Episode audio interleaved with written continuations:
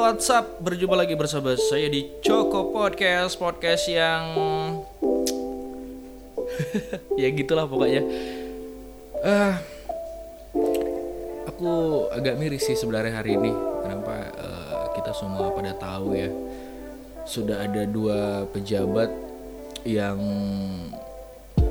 eh, apa tertangkap lah ya oleh KPK dikarenakan korupsi kalau korupsi Pak Edi tentang lobster sebagai rakyat awam, masyarakat awam ya nggak tahu lah ya untuk gimana sebenarnya kita nggak bisa juga sih ngobrol ya yang eh, ya mungkin tidak begitu eh, dikuasai oleh aku mungkin ya. Tapi kalau ini bukan masalah menguasai atau enggak tapi wah ini keterlaluan sih KPK tetapkan Mensos Juliari Batubara tersangka kasus bansos COVID-19 di mana kita semuanya sedang pada susah.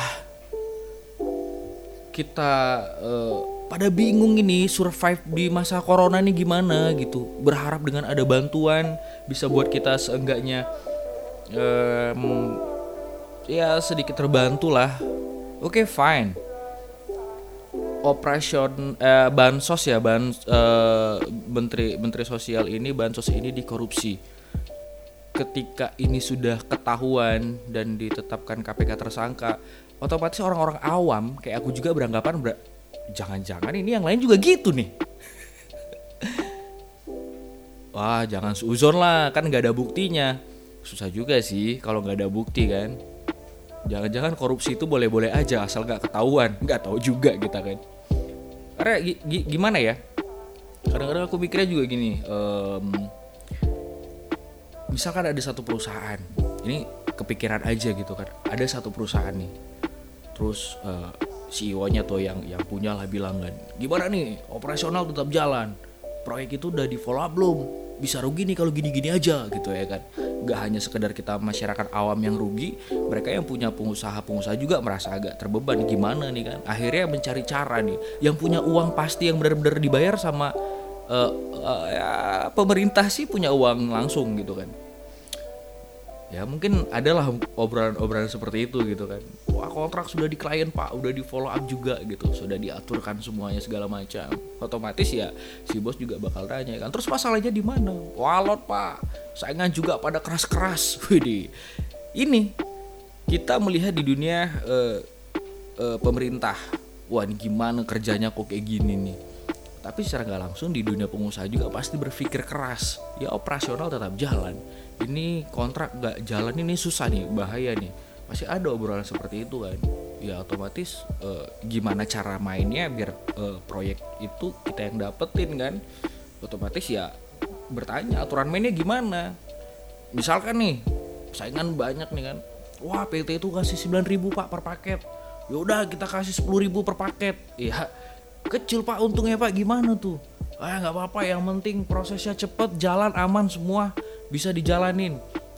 Ada hal-hal yang kayak gitu. Ya siapa sih? Gak tergiur mungkin ya.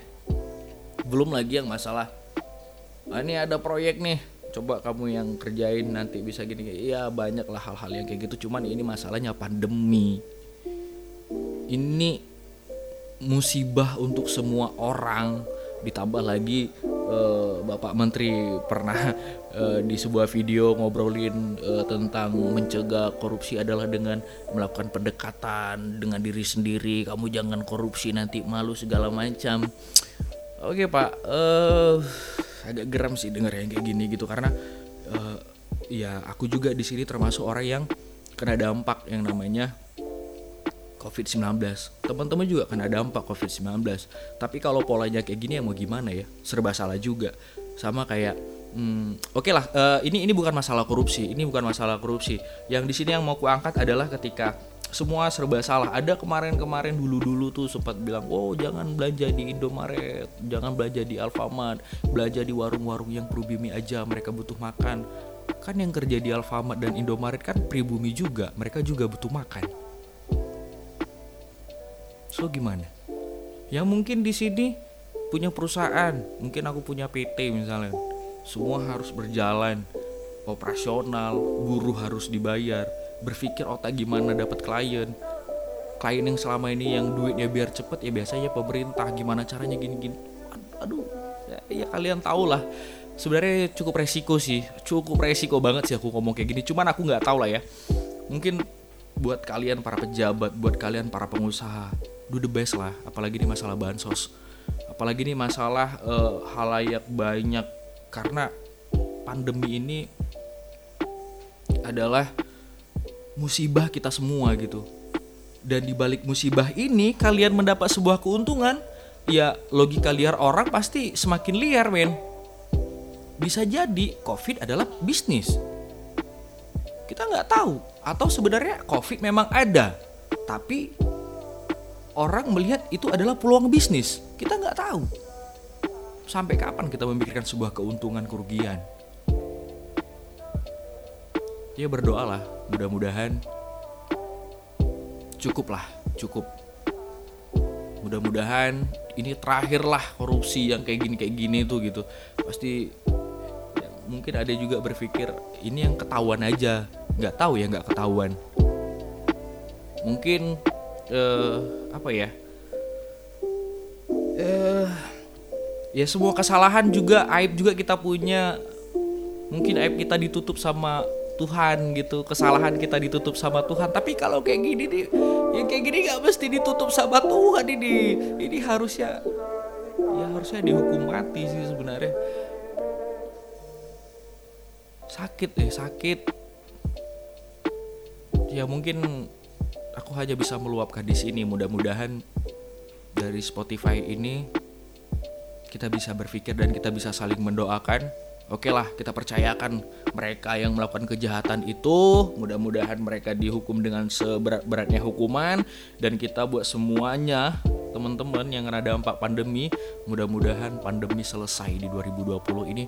Dan kita bisa kembali e, beraktivitas kita bisa berjalan lagi ekonominya semakin bagus walaupun entah kenapa ya sering kita lihat di beberapa e, media menunjukkan bahwa semakin ke ujung 2020 ini itu semakin dikasih lihat media itu bukan dikasih lihat sih semakin banyak yang kita dapat info bahwa virus itu semakin naik, semakin naik, semakin naik, semakin naik sehingga kayak uh, kita jadi semakin kecil harapan bahwa 2021 corona bukannya habis tapi malah banyak kita nggak tahu.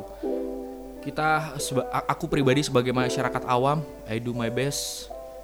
Apa yang bisa aku bantu bakal aku bantu buat teman-teman dan mudah-mudahan kita bisa survive. Mudah-mudahan pemerintah kita jadi lebih bersih lagi. Cukuplah. Ini sangat mencoreng sekali sih ini bener-bener yang namanya itu tertawa di atas penderitaan orang banyak banyak orang yang menderita pak banyak pak banyak anak yatim piatu pak fakir miskin pak sepuluh ribu pak per paket pak. Ya mau gimana pak ya? Tuh juga pak kalau aku bersuara kayak gini juga belum tentu didengar pak. Belum tentu juga ini jadi patokan untuk kalian membuat kebijakan. Enggak pak. 100 orang kayak aku ngomong hukum mati itu si menteri. Belum tentu pak. Saya pribadi percaya dengan undang-undang saya patuh dengan undang-undang dan hukum-hukum yang yang sudah dibuat sedemikian rupa karena kami percaya kalian orang pintar yang sudah uh, memimpin negeri ini tapi pak sepintar-pintarnya kalian pak ada banyak doa orang yang terzolimi yang bisa membuka kebusukan kalian, Pak. Mudah-mudahan 2021 semua lebih baik. Dan buat mereka yang udah korupsi, mereka yang telah melakukan sebuah kejahatan yang mungkin saat ini belum ketahuan, berhentilah. Berhentilah. Dan mari kita berdoa sama-sama, mudah-mudahan semua jadi lebih baik lagi. Oke, cuy bye bye, kita akan ketemu lagi di Joko Podcast selanjutnya.